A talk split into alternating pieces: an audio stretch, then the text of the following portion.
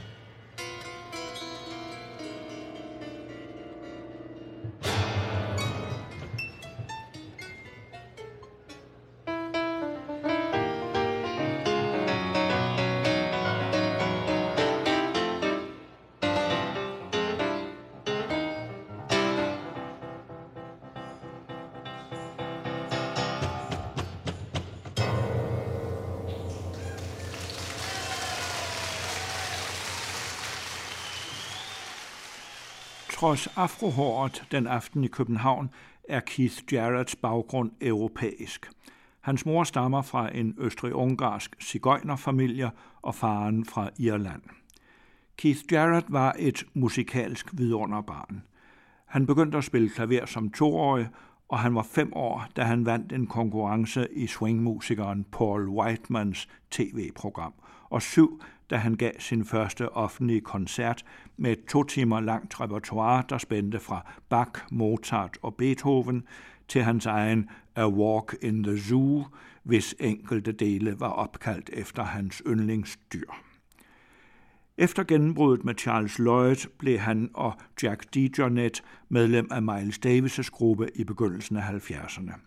Det var i Miles Davis' elektriske periode, og her blev Keith Jarrett en gang for alle vaccineret imod elektriske instrumenter.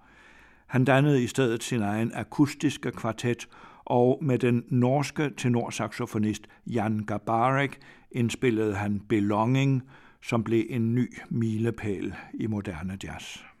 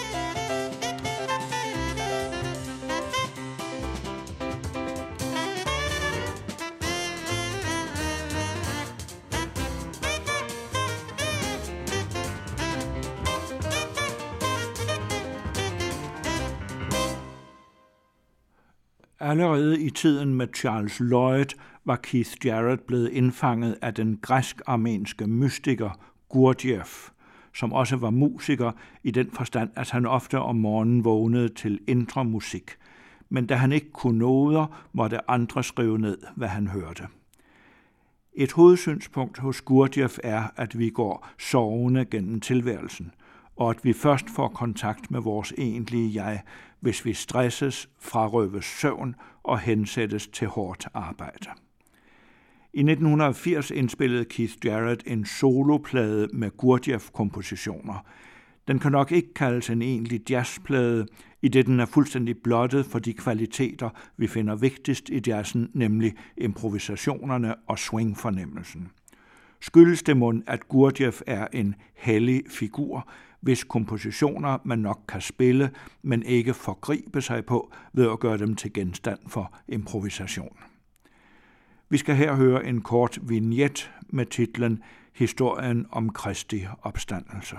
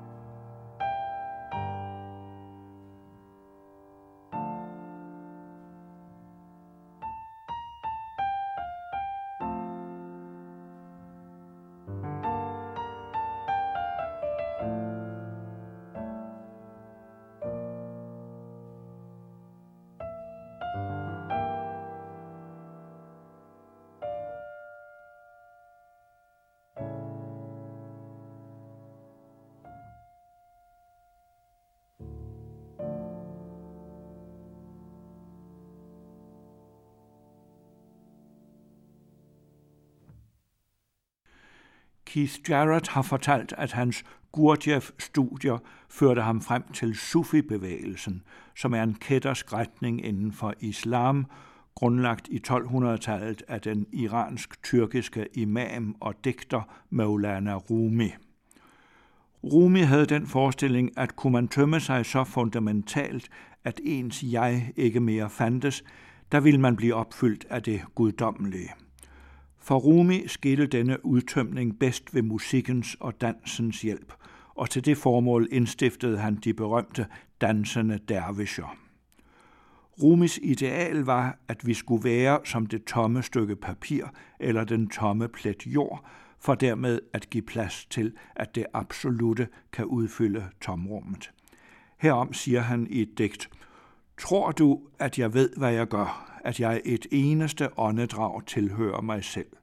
Så lidt som pennen ved, hvad den skriver, eller bolden gætter, hvor den nu skal hen. Det er fuldstændig i pagt med Rumis tankegang, at Keith Jarrett udviklede en solokoncertform, hvor han på forhånd ikke havde noget som helst melodisk eller harmonisk udgangspunkt. Før hver koncert tømte han sig for enhver forhåndsopfattelse af, hvad der skulle spilles.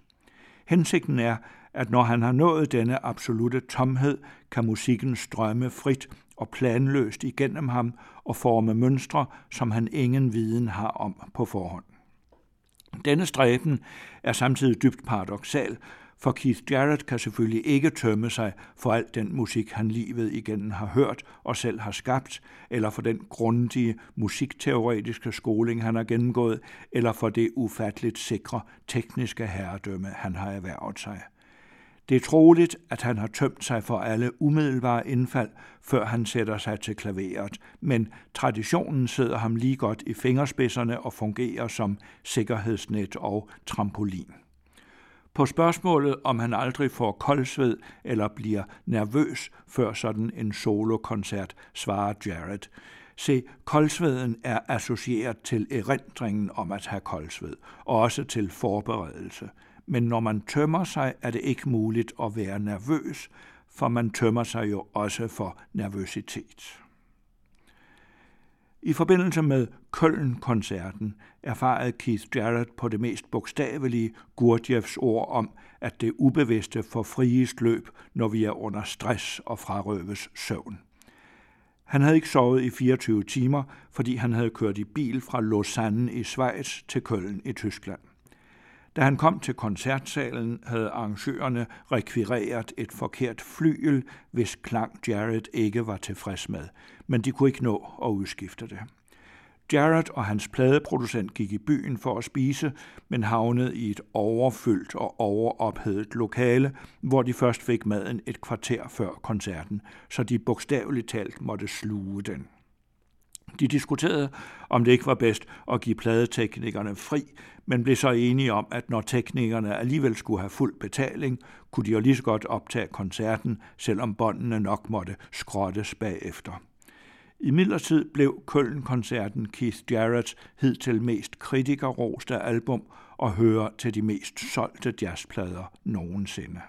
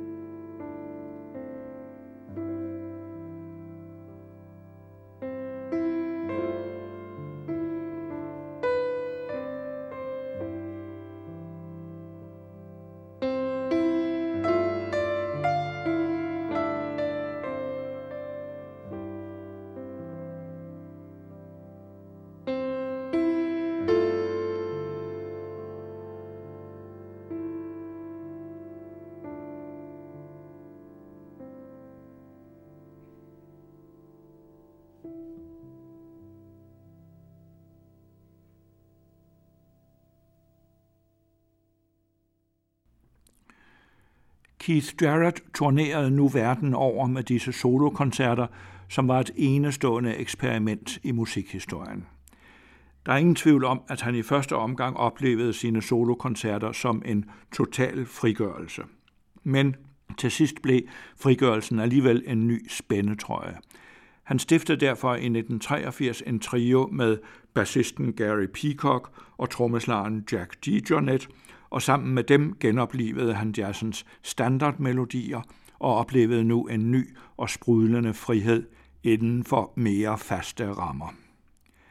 Det er egentlig forkert at tale om Keith Jarretts trio, for på alle trioens CD'er krediteres de tre musikere sideordnet. De fungerede også i enestående grad som en sammenhængende organisme, snarere end som en solist med akkompagnement. Og deres samspil er præget af en særlig robust ømhed. Telepatisk er en ofte misbrugt betegnelse for samspillet inden for en jazzgruppe, men her er det virkelig på sin plads. Alligevel kommer man ikke udenom, at det selvfølgelig er for Keith Jarretts skyld, man anskaffer sig trions CD'er. Han veksler ubesværet mellem intime ballader og mere udadvendte bravurenummer, for eksempel den vidunderlige standard All the Things You Are, der kulminerer i furiøse udladninger, og hvor han ikke kan lade være med begejstret og nynne med selv på sine improvisationer.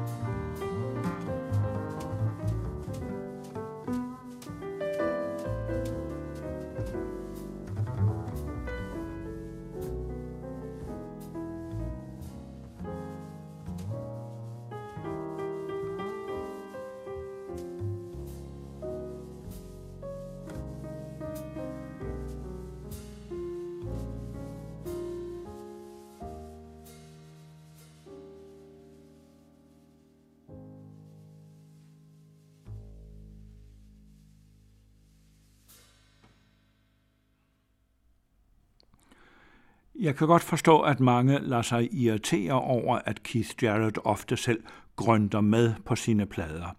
Men egentlig opfatter jeg ikke selv denne medleven som distraherende. Under hans koncerter kan man endda opleve, at Jarek ekstatisk rejser sig, mens han spiller, og trakterer klaveret med rytmiske stød med underlivet, som for at vise, hvor musikken også kommer fra. Jazzen er både spirituel og kropslig. Den har rødder i både kirke og bordel. Og disse to institutioner går op i en højere enhed hos Keith Jarrett. I den negroide kirke besvarede menigheden både præstens prædiken og gospelsang med en tilsvarende ekstatisk stønnen.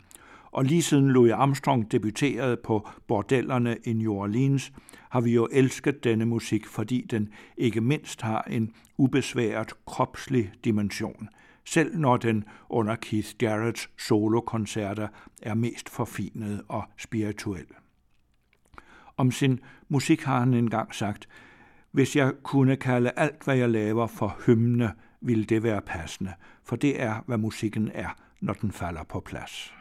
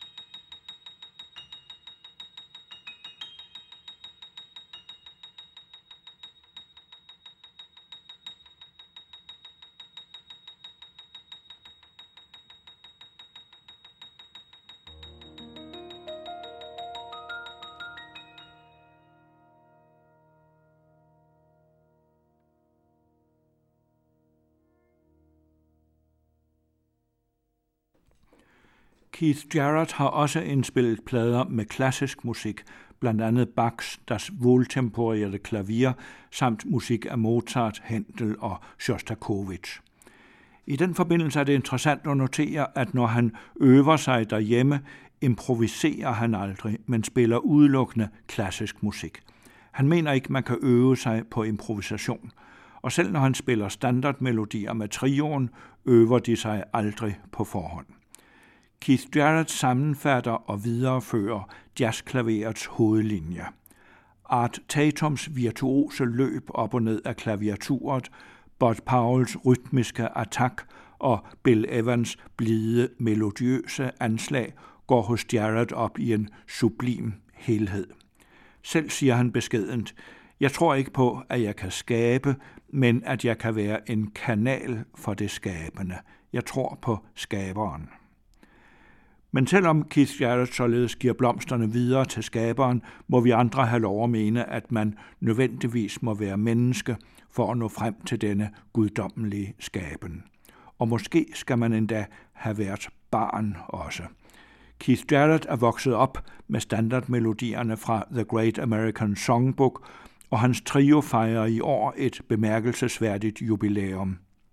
De sidste 25 år har han fordybet sig i disse små, store melodier med en jublende følelse af hjemkomst, og man i hukommer Sigmund Freuds ord om, at lykken netop er opfyldelsen af et fortrængt ønske fra barndommen, et eller andet sted over regnbuen.